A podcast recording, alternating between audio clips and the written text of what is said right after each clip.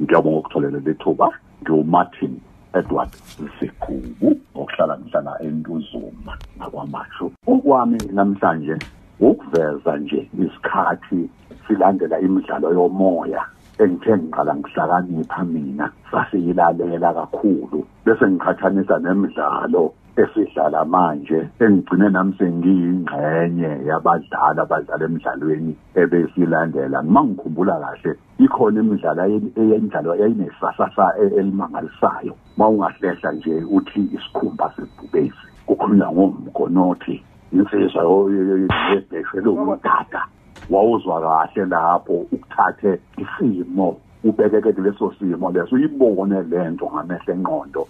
Ezicakele ekhafeni insizwa ubone ukuthi cha hayi yayenzeka lento uthathe imidlalo enjengoba thatha skidi yisuvalo umfoka Ngcobo e, e, e, eshaya leyo party noba ubhodloza hawu kwakukuhle ngendlela eyisimangaliso futhi ke engiqonda kahle ngale midlalo ukuthi yayinesifundo yayisifundisa kakhulu kwakuthi noma ungazange mhlambe wena ube nenhlanhla yokuthi na ubekeke simene ke ngithi nje uma uthathwa njengasi isikhumba sebhubesi uma uyimuntu ozalelwe elokishini wazange ube semakhaya kodwa uyayikunikeza umqondo ubone isithombe sokuphila impilo emakhaya ukuthi insizwa sayiphila kanjani iy'ntombi sayiphila kanjani. Abazali babekuphi ngalezo yikhathi benamuphi umqondo futhi? Ngangikuthanda kakhulu ukulalela-ke imidlalo yomoya. Kwaze kwahamba kwafika eminyakeni yama-90s la nami uma ngizwa laphana nginalo leli vuso nogqozi lokuthi ewu ingabe ngelinye ilanga kuyokwenzeka yini? Ngineyifiso nje vele mina ngizalelwe le eBergville emangwaneni ngahlakaniphela endaweni yasemnambithi ngangingacabanga ukuthi ngelinye ilanga ngiyoke ngifinyelele la. Utheke ngezimo ey'thile zangibeka ukuthi ngibe la eThekwini. Hawu ngazithiwa nami sengisondela sengiba omunye wabalingisi lapha emidlalweni yomoya.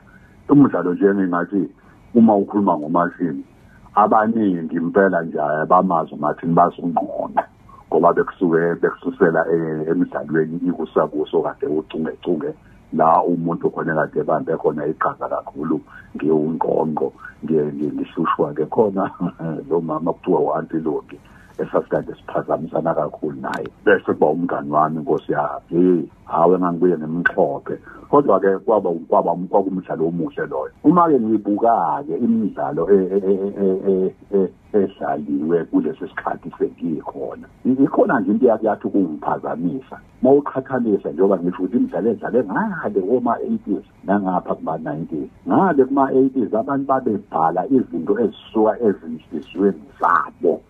abhale ngento ayizwa emizweni yakhe. Okuhambe kwahamba kwaze kwabonakala ukuthi mhlambe imidlalo ababhali babhala abalandele uhlelo oluthile noma imizwa ethile imizwa yothando imizwa yobugebengu. Abantu bayijabulele leyo nto. Kwase kuthiwa cha-ke ake sizame ukuba sibe nendlela yokubanikeza umhlahlandlela ukuthi uma ngabe uzobhala kufanele phela uthintane nalapha emsakazweni bakunikeze umhlahlandlela ukuthi kulesi sikhathi sonyaka mhlambe sikhuluma ngokuthi kulesi sikhathi kunesimo esiwukuthi okufanele sifundise abantu ngaso. Lokho ke kwenza ukuthi mhlambe kube nawo umehluko ngoba sisabhala esikoleni sibhala iy'ndaba lokho kwakuthiwa phecelezi i-composition kungenzeka ukuthi umuntu wayengekho mhle kangako uma kubhalwa lapho ku-creative writing wayengemuhle ngeke kuyikhiphe futhi into-ke mhlawumbe ezochacha kahle. Ijabulelwe abantu kodwa-ke kwenzekile baningi ababenekhono bayikhipha lezo zinto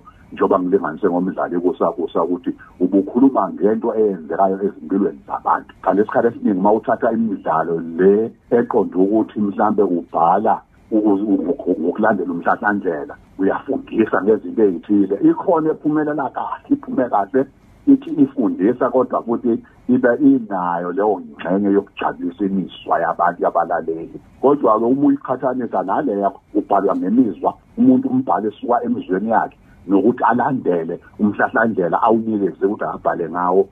Kube khona umehluko nemthelela ethile ngaphandle mangabe kuwukuthi-ke um njengoba ngilinganisa ngekusakusa ekade iwuchungechunge ithinta iy'mpilo zabantu ithinta izinto ezenzekayo mhla namalanga ey'mpilweni zabantu bawuthokozele ngendlela eyisimangaliso kumdlalo. Engithi-ke cha uma sibuka nje emidlalweni emisha eyiminingi mina-ke nje ngaqala la ngithi khona kwakhuluma inyoni umdlalo wawubhalwe yinquhe ngalandela lapho eh mhlawumbe kwelizalo uPraiseworth Lithuli wayewombhalo umbhalo wahamba-ke nje emhlabeni nkosi yami semncane kakhulu. Kodwa awuboni ikusasa ukuthi lalikhona ngendlela eyisimangaliso unembeza nesethembiso wawukade ukhishelwe emoyeni umfo kamaphalala angadlala emidlalweni eminingi impela ngoba naye umuntu owangithola nje ukuthi cha likhona mhlawumbe ikhono alibona kumina. Ngatholwa uyena ubaba uEric Ncoko kodwa-ke ngikade ngivuswe usesuviki masuku. Bathi-ke ayihlatshwa mvusi. Wangithola-ke wangifaka estudio Eric wangihlola walithola ikhono ukuthi likhona ngaqhubeka-ke lokudlala imidlalo eminingi.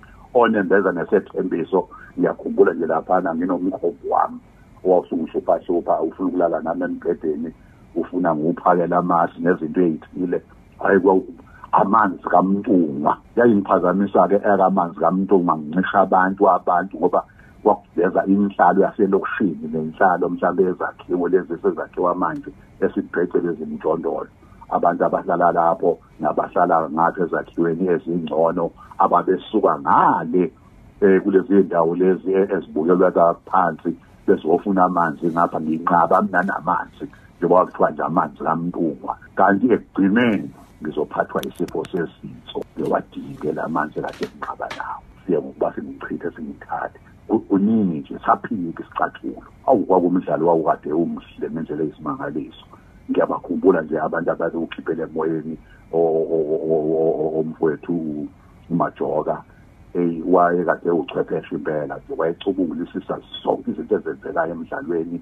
Wayengeka yikhiphi into engazwakali kahle ngoba phela uma siqhathanisa-ke siyayibona-ke nendlela yoshintsho olukhona ikakhulukazi ekuxhakweni kwemisindo kuleya minyaka yama-80s yayimihle imisindo kusho ibika lakhona lalithinta ulangaze uma ukuyawalizwa nje usehambe emgwaqeni utanzo lelo ubika lelo ugijima uye endlini ufuna ukusondela emsakazweni.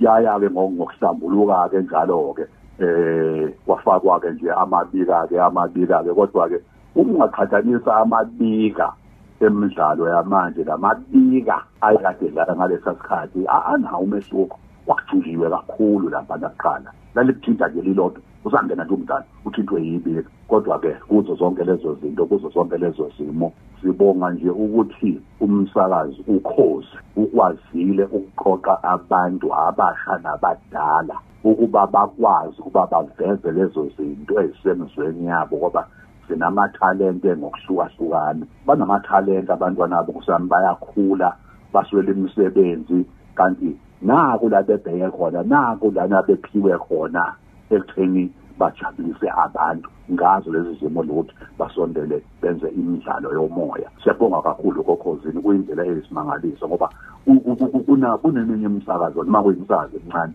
abangakwazi ukuthola ithuba elinjenganaleli kodwa abantu bayaphila abantwana bayaphila ngale lithuba elivezwayo ngokuthi nje babe semidlalweni yomoya.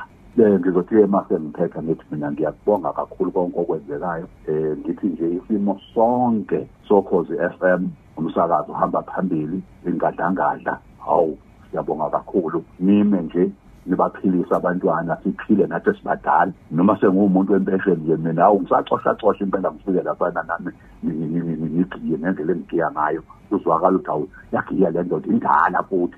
Ngiphethe isihlangu sesaqothuka nje kodwa hhayi isasibambile. Ngiyabonga kakhulu.